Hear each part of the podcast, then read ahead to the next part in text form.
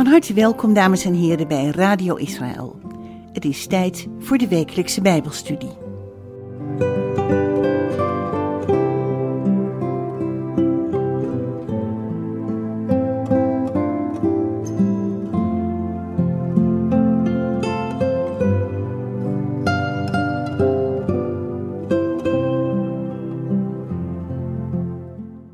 Shalom luisteraars.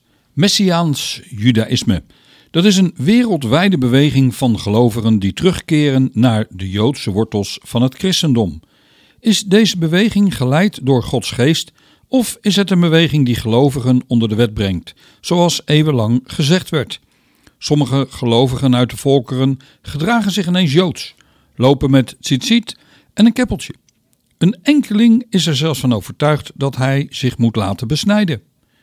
Gelovigen uit de volkeren zijn ineens actief met de Torah, de eerste vijf boeken van het Oude Testament, gebruiken Hebreeuwse termen, zingen Hebreeuwse liederen en hebben Israël lief. Sommige samenkomsten lijken op een dienst zoals die in de synagoge plaatsvindt. Door de grote verschillen in beleving en door de verschillende meningen en of visies ontstaat er bij een grote groep gelovigen verwarring. Een belangrijke vraag die gesteld wordt is de vraag hoe het nu zit met de identiteit van de niet-Jood. Moet een gelovige uit de volkeren nu wel of niet de Joodse gebruiken overnemen? Is hij bijvoorbeeld verplicht met een keppeltje rond te lopen, de Sabbat te houden en de Bijbelse feesten te vieren? We zijn nu toch niet meer onder de wet, zoals altijd beweerd werd? En hoe zit het dan met de Torah? Dit zijn vragen die momenteel zeer actueel zijn. In deze nieuwe studiereeks ga ik in op deze actuele zaken en laat u zien hoe dat gestalte kreeg onder de eerste gelovigen uit de volkeren. Deze groep stond bekend als de Godvrezenden. Deze studiereeks heet dan ook de Godvrezenden. Voor deze studie is gebruik gemaakt naast de Bijbel, het woord van God, van het boek Godfearers, Gentiles en the God of Israel. Godvrezenden, heidenen, en de God van Israël, geschreven door Toby Janicki en aangevuld met onderwerpen uit de praktijk. Misschien, luisteraars, is het goed als u pen en papier gereed heeft en onder andere de Bijbelteksten opschrijft en later nog eens terugleest. Welkom. Mijn naam is Jack van der Tang.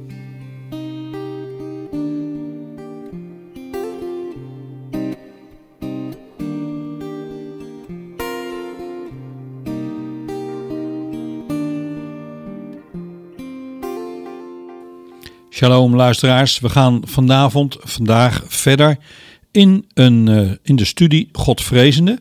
We hebben de afgelopen keer behandeld de groep Godvrezende. We hebben gezien dat er een grote groep, sommige wetenschappers zelfs zeggen miljoenen Godvrezenden waren in de tijd van Jezus, van Yeshua. Godvrezende, dat waren mensen, heidenen die zich niet lieten besnijden en officieel overgingen tot het Jodendom. Maar deze groep zij waren wel op de hoogte van de wet van de Torah, omdat zij bekend waren hiermee vanwege hun bezoek aan de synagoge. Ze vierden de Sabbat, ze aten kosher en ze deden nog meer. Nou, de groep die werd niet officieel erkend door de Joodse autoriteiten, maar ze werden wel geaccepteerd. En ze mochten de synagoge in en ze waren welkom bij de Joden. In tegenstelling tot bijvoorbeeld de Joden zelf, mochten deze groep, de Godvrezenden, wel contact hebben met de heidenen bij hun thuis eten, etc. Terwijl de Joden dat niet was toegestaan om te eten bij heidenen thuis. En het is deze groep die in eerste instantie geconfronteerd werden met het feit dat Yeshua de Messias was. Later kwam er dus een nieuwe groep bij toen het evangelie de wereld inging. Nou, een onderwerp wat al snel een hele gevoelige zaak was, werd de kwestie van wat wordt er nu wel en niet gevraagd van deze groep godvrezenden van die heidenen. Er waren twee groepen heidenen. De eerste groep, dat is de groep waar we het over gehad hebben. En de andere groep is de groep van heidenen die tot geloof komen in één God en zijn zoon Yeshua. Maar deze groep had geen enkele kennis van het Jodendom en waren misschien wel heel erg bevooroordeeld over deze toch wel eigenaardige groep Joden. Ik weet niet, luister hoe het bij u zit, maar als je in een synagoge komt en je maakt daar alles mee en je spreekt geen Hebreeuws en je bent nog nooit in een synagoge geweest, dan is het toch wel heel lastig om het te volgen en voel je je daar misschien niet thuis. En heb je misschien wel iets van: ik snap er niks van en ik vind het allemaal maar ingewikkeld. Ik kan me daarom voorstellen dat de groep in de tijd van Jezus en de uitstorting van de Heilige Geest, dat zij erkennen dat Hij de Messias is, dat zij dat allemaal geloven. Maar dan worden ze ineens, ja, toch wel geconfronteerd met al die dingen die de Joden deden. En dat is toch wel heel lastig. Nou, we hebben ook gezien in eerdere studies vanuit de Torah en andere geschriften dat er een gezonde afstand was tussen de Joden en de religieuze Joden. En dat betreft dan de relatie met de geboden vanuit de Torah. De Joodse gelovigen hebben de verantwoordelijkheid om de geboden trouw te doen. Israël heeft uiteindelijk die last geaccepteerd bij de berg Sinaï. Maar voor heidense gelovigen ligt het toch allemaal echt wel wat ingewikkelder. Want van deze groep wordt niet verwacht om op dezelfde manier te leven als de Joden. En toch is er wel degelijk een bijbelse, een zekere bijbelse verantwoordelijkheid volgens de Torah. Een bekende bijbelleraar van First Fruits of Zion is Thomas Lancaster. En hij zegt dat het voor de niet-Joden, de heidense gelovigen, het gaat hier om de zichtbare geboden. En hij laat dat zien dat er dus een verschil is qua identiteit tussen de Joden en de niet-Joden. En dan moet je denken aan de Sabbat, aan de tzitzit en aan de besnijdenis. En dat laatste, nou, dat is natuurlijk wel het bekende thema in de brief van Paulus aan de Galaten. In zekere zin, luisteraars, kunnen we ook het keppeltje hierbij vermelden. Ondanks dat dat pas veel later is ontstaan in de diaspora. De zichtbare geboden zijn juist verantwoordelijk waardoor er een afstand is met de andere volkeren. Nou, volgens Thomas Lancaster, eh, de schrijver van die studie, niet verboden om deel te nemen aan die geboden, maar, zegt hij, het is ook geen verplichting om het te doen. Volgens vele gelovigen is het zo dat de Torah niet voor de heiden is, maar enkel voor de Joden. Maar dat, luisteraar, is volledig onwaar. Echt waar. Luister, geloof mij maar. En dat ga ik u allemaal laten zien. Ondanks dat het feit dat de apostelen geen geboden van de zichtbare tekenen oplegden, was het wel zo dat voor hen wel dit zich aan de meeste andere geboden moesten houden. De nieuwe gelovigen, die horen nu bij het volk van God en hebben ook hun verantwoordelijkheid. Nu meer zelfs dan tijdens de dagen dat de Godvrezenden de synagoge bezochten, of bijvoorbeeld alleen enkel de eisen van de Noachitische wetten zouden moeten doen.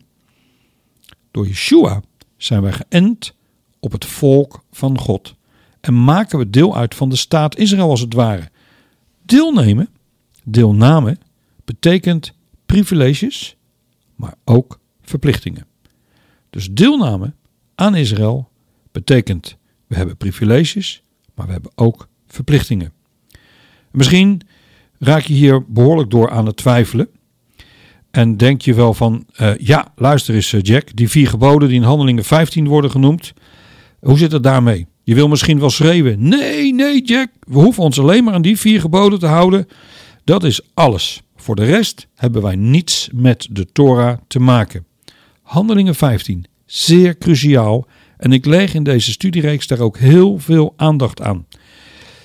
Het wordt ook wel genoemd in, in, ja, in de theologie het Jeruzalem-convenant.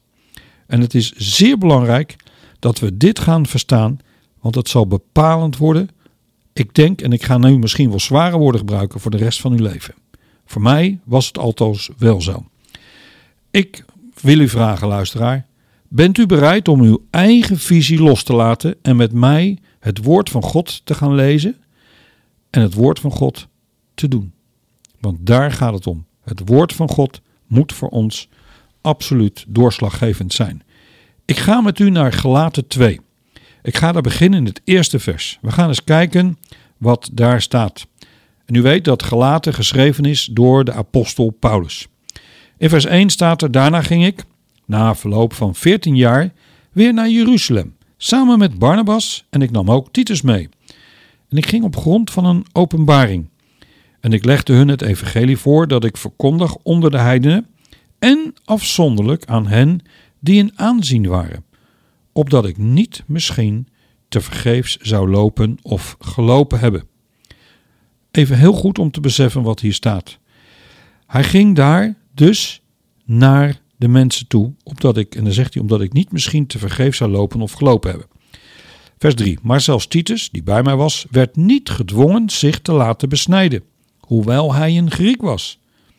En dat ter wille van de binnengedrongen valse broeders, die waren binnengeslopen om onze vrijheid, die wij in Christus Jezus hebben, te bespioneren, om ons tot slaven te maken.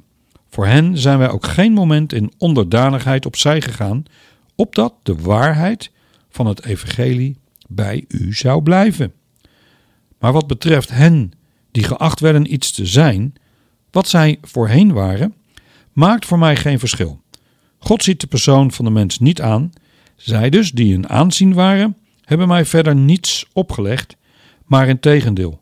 Zij zagen dat aan mij het evangelie onder de onbesnedenen toevertrouwd was, zoals aan Petrus dat onder de besnedenis. Onder de besnedenen. Paulus, luisteraars, realiseert zich dat de uitkomst in Jeruzalem voor hem alles bepalend zou zijn. Hij had nodig de erkenning van de autoriteit van de apostelen. In vers 9 staat: En ze dus de genade onderkenden die mij geschonken was. Toen reikte Jacobus, Kefas en Johannes, die als steunpilaren golden, mij en Barnabas de broederhand. Wij zouden naar de heidenen gaan, zij naar de besnedenen, de Joden. Onze enige verplichting was dat we de armen ondersteunden en dat is ook precies waarvoor ik mij heb ingezet. Mensen, Paulus besefte beter dan menig ja, protestantse christen hoe belangrijk deze beslissing was. Rooms-katholieken beseffen dit veel beter, want zij weten wat het is dat de hoogste autoriteit beslist over een theologische kwestie. En ik hoef u niet te vertellen dat in onze tijd, ja, je gaat naar een gemeente, je bent het niet mee eens en je gaat ergens anders naartoe. Je bepaalt gewoon zelf tegenwoordig wat belangrijk is. Je bepaalt zelf wat er gebeurt. Maar in de tijd van de apostelen, daar had je echt het leiderschap. En zij bepaalden wel of niet of iets goed was, of iets niet goed was. En dat is in zekere zin ook wat hier bedoeld wordt dan, dat in de Rooms-Katholieke Kerk het vanaf de paus wordt bepaald wat wel en wat niet kan. Als er nieuwe regels zijn, nieuwe uitleggingen, dan wordt het vanaf de top bepaald. Dat wordt er bedoeld. Het is dus voor Paulus ongelooflijk belangrijk dat uh, hij goedkeuring zou krijgen van deze mensen, deze groep leiders, waar we het net over hebben gehad, Jacobus, Kefas, dat is Petrus, en Johannes. Zij waren de leiders. En als Paulus dan zegt in Gelaten 2, opdat ik niet misschien te vergeef zou lopen of gelopen hebben, besefte hij als geen ander dat als zijn ja, prediking, zijn onderwijs zou worden afgewezen, zou alles instorten en dan zou er niets meer van overblijven. Het is zo belangrijk. Hij besefte het ongelooflijk. En hij ging dus naar Jeruzalem en hij bracht een zeer gevoelige kwestie aan de orde. Gelovigen uit de volkeren, die hoefden zich niet te laten besnijden. En toch, toch waren ze zonen en dochters van Abraham. Weet je nog, in de eerste studie dacht ik dat dat stond. Dat er genoemd wordt de zonen. Als je je liet besnijden en je werd officieel proseliet, dan werd je officieel genoemd een zoon of een dochter van Abraham. En nu ineens, in de tijd van de apostelen, op het moment dat je gedoopt werd met de Heilige Geest, als je je liet onderdompelen, werd je ook geestelijk gezien een zoon of een dochter van Abraham. En dat is wel heel belangrijk om dat ook weer te zien. Want dat was de naam die de proselieten kregen. Maar dan moest hij wel laten besnijden. En nu ineens, nu ineens, totaal anders dan men altijd gedacht heeft. Er was geen letterlijke besnijdenis meer nodig.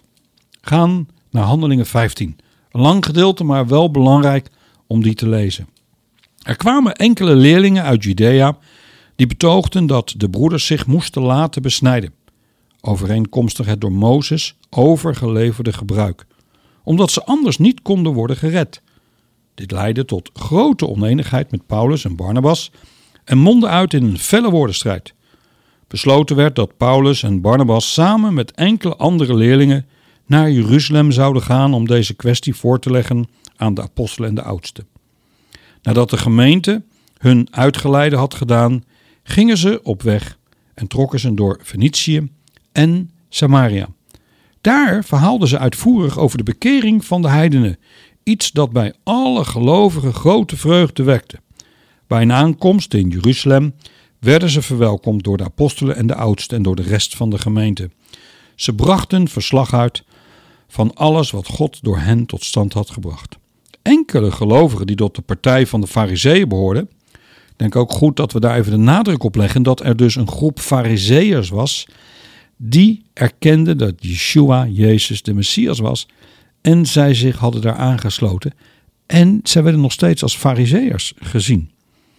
Maar zij, deze groep, die gaf echter te verstaan dat ook de niet-Joodse gelovigen dienden te worden besneden en opdracht moest krijgen zich aan de wet van Mozes te houden. En dat heeft alles te maken dus met dat er een godvrezende was en een proseliet. En men dacht dus dat de nieuwe gelovigen als het ware die laatste stap van naar proseliet te worden, aangesloten te worden bij Israël, dat ook moesten doen. Nou, dat was dus een heftig issue en een belangrijk issue. Van godvrezende naar een proseliet. Vers 6. De apostelen en de oudsten kwamen bijeen om nader op deze zaak in te gaan. Toen het tot een hevige woordenstrijd kwam, ja, dat konden ze toen al aardig hoor, lekker bakkeleien. Toen stond Petrus op en zei: Broeders, u weet dat God mij al in het begin uit uw midden heeft gekozen om de boodschap van het evangelie onder de heidenen te verspreiden en hen tot geloof te brengen. God die weet wat er in de mensen omgaat, heeft blijk gegeven van zijn vertrouwen in de heidenen door hun de Heilige Geest te schenken, zoals Hij die ook aan ons geschonken heeft. Hij heeft geen enkel onderscheid gemaakt tussen ons en hen, want Hij heeft hen door het geloof innerlijk gereinigd. Waarom wilt u God dan trotseren door op de schouders van deze leerlingen een juk te leggen dat onze voorouders nog wij zelf konden dragen?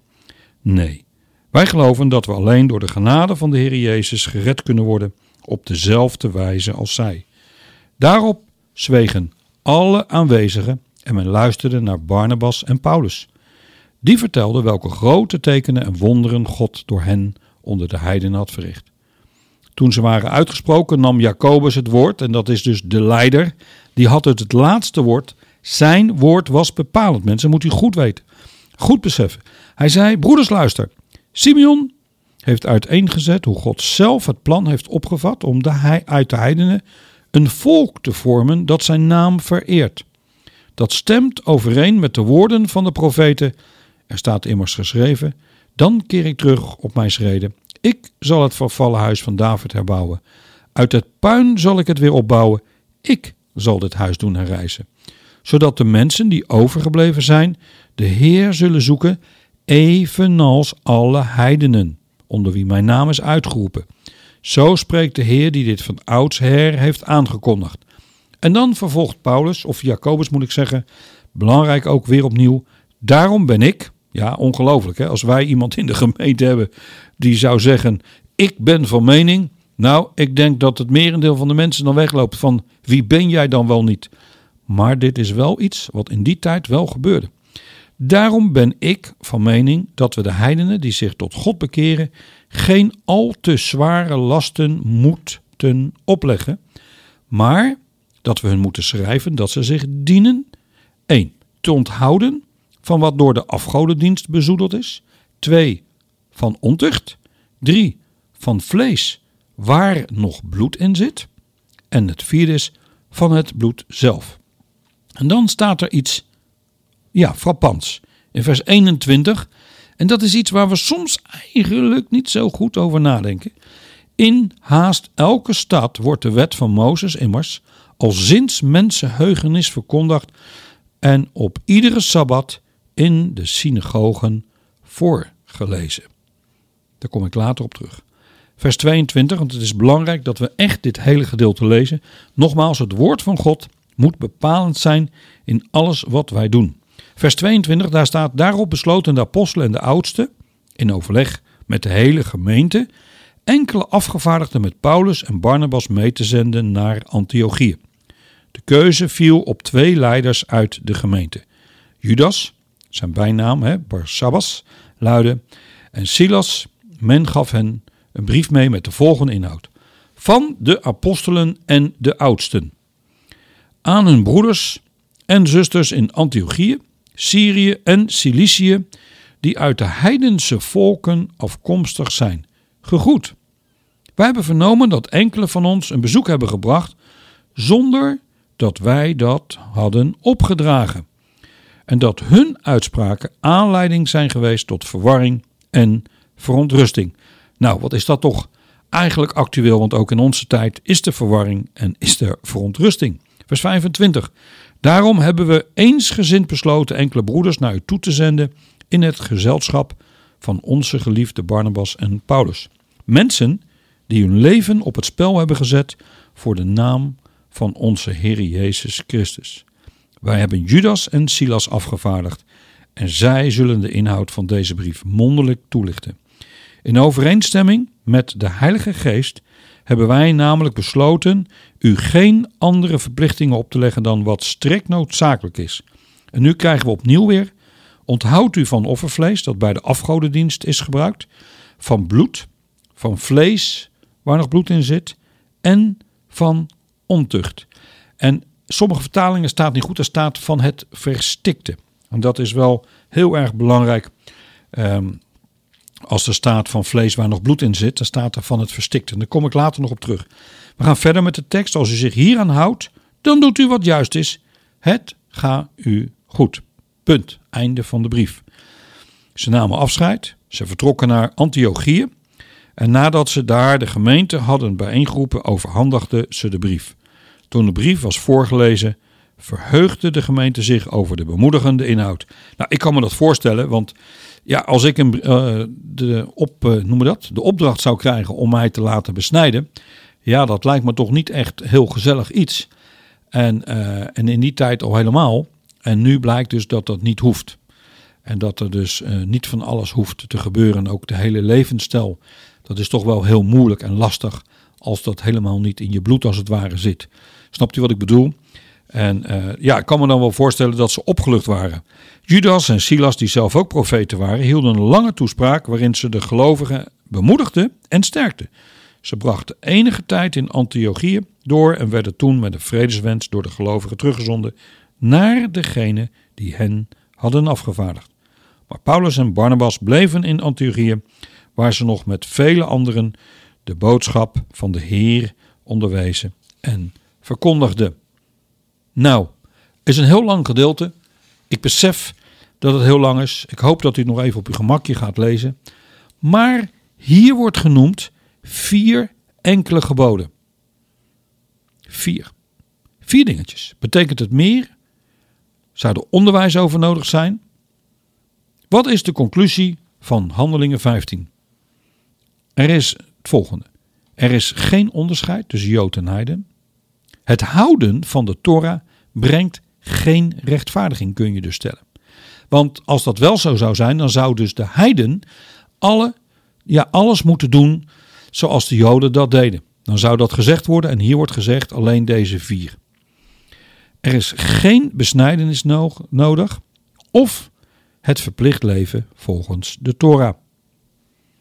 Nou, hoe zit het dan met die vier geboden? Is dat bijvoorbeeld een verkorte versie van de Noachitische geboden? Nee, echt niet. De Noachitische wetten, genade daartegenover, hoe zit dat nu precies?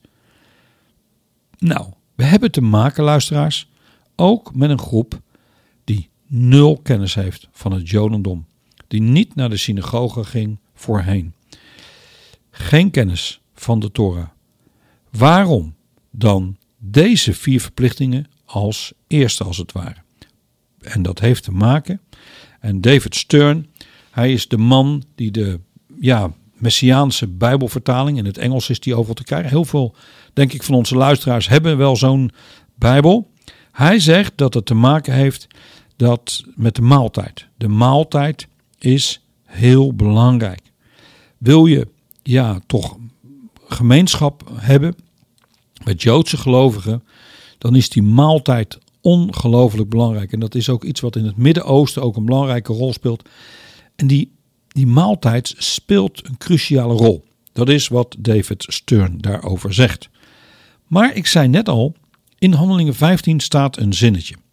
En daar zou je bij wijze van spreken overheen lezen, omdat dat later, als twee keer dat herhaald wordt, die vier geboden, staat het er niet.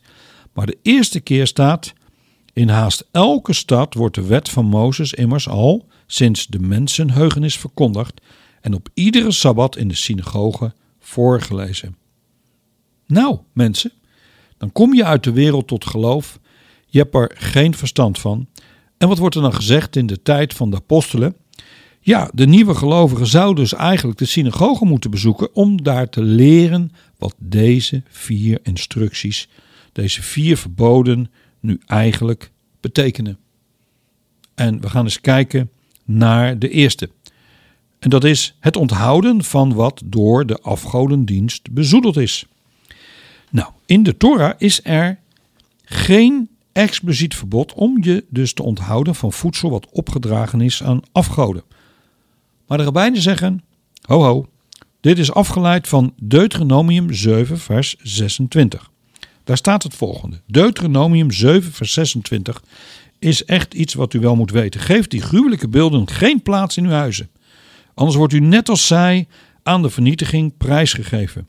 U moet er een diepe afschuw, een hardgrondige afkeer van hebben. De ban van de Here rust erop. De Torah, mensen, bepaalt dat de Israëliet niets ten gunste mocht ontvangen van afgoden, objecten of van een vreemde godsdienst. In het Hebreeuws heet dat avoda zara, of iets wat geofferd was aan een afgod. En dat speelde vooral bij voedsel wat in die tijd veel werd opgedragen aan afgoden. Zeer actueel in de tijd van de apostelen en een zeer belangrijke kwestie.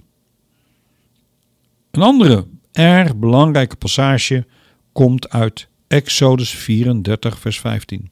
Daar staat: Sluit geen verbond met de inwoners van dat land, want wanneer die zich met hun goden afgeven en offers aan hem brengen, zouden ze jullie uitnodigen om aan hun offermaaltijden deel te nemen. We zien dus dat dit gebod nu ook wordt uitgebreid naar de heidense gelovigen. Eten wat is opgedragen aan afgoden is absoluut verboden en wordt zelfs genoemd in het boek Openbaringen 2. En dan gaan we even lezen de versen 14 en het vers 20. Maar enkele dingen heb ik tegen u. Sommigen houden vast aan de leer van Biliam, die Baal liet weten hoe hij voor de Israëlieten een val moest opzetten, waardoor ze heidens offervlees zouden gaan eten en ontucht zouden plegen. In vers 20 staat: Maar dit heb ik tegen u. U laat die Izebel, die zichzelf profetes noemt, haar gang gaan, terwijl ze mijn dienaren met haar uitspraken tot ontucht en het eten van heidens offervlees verleidt. Het lijkt hier alleen te gaan om voedsel wat is opgedragen aan afgoden. Maar het is uiteraard meer dan dat. Paulus noemt bijvoorbeeld dat in 1 Corinthians 10 vers 14. Om deze reden moet u, geliefde broeders en zusters, u verre houden van afgodendienst. En nou ga ik kort even wat noemen en ik ga daar volgende week weer overnieuw bij beginnen het onderwerp halalvlees. En dat noem ik nu. Dat noem ik volgende week ga ik er uitgebreid op in. En in een latere studie ga ik daar weer op terugkomen. Als ik iets ga uitleggen aan zaken 1 Corinthiërs 10. Halal. O mensen, er zijn heel veel mensen die niet beseffen hoe dit een belangrijke, cruciale rol speelt in onze samenleving. En ik vind het goed en belangrijk om dit te noemen. In het verleden heb ik een confrontatie gehad met iemand die vond dat ik erg liefdeloos was. En die vond het zo'n flauwekul dat we geen halal vlees mochten eten. Die vond het zo bizar hoe ik daarover sprak. En dat was gewoon in een kort gesprek. En helaas, als je dit niet wil zien, als je dit niet wil begrijpen, ja, dan hebben wij eigenlijk een belangrijk probleem. Ik geloof namelijk, halal, dat is, ja, wat is dat? Wat zegt halal? En hun eigen website, als je gaat naar www.halalcorrect.com, wat betekent halal staat er dan? Halal betekent taalkundig gezien wat toegestaan is voor moslims die de islam als religie beleiden. Hierbij draait het niet alleen om het eindproduct, maar ook om alle handelingen die voorafgaand aan de levering plaatsvinden. Halal is een voedingsleer met duidelijke voorschriften en richtlijnen waaraan moslims zich dienen te houden. Deze religieuze voorschriften met betrekking tot het voedsel zijn gebaseerd op de Koran, de Sunnah, de consensus van de moslimgemeenschap, analogie gebaseerd op de primaire bronnen van de islam, zoals uitgelegd door erkende islamitische geleerden. Wat zijn dan die belangrijkste kenmerken van halal slachten? Het dier moet oorspronkelijk rein zijn. Het dier moet voldoen aan de universele morale, morele gezondheidswaarden. Het dier dient humaan behandeld te worden. Tevens staat hier, dient het dier in leven te zijn tijdens het slachten en dient de naam van Allah. God, de schepper van het heelal, zeggen ze dan. Het is een eigen website. Ik lees dit voor van een eigen website. Dus daar wordt de naam van Allah te worden uitgesproken over het dier.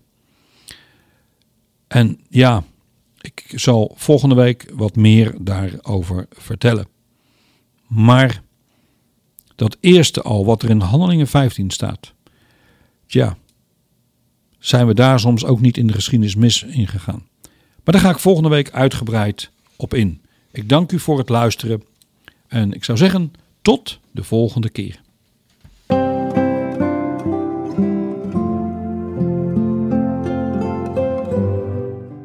Hebt geluisterd naar de wekelijkse Bijbelstudie op Radio Israël.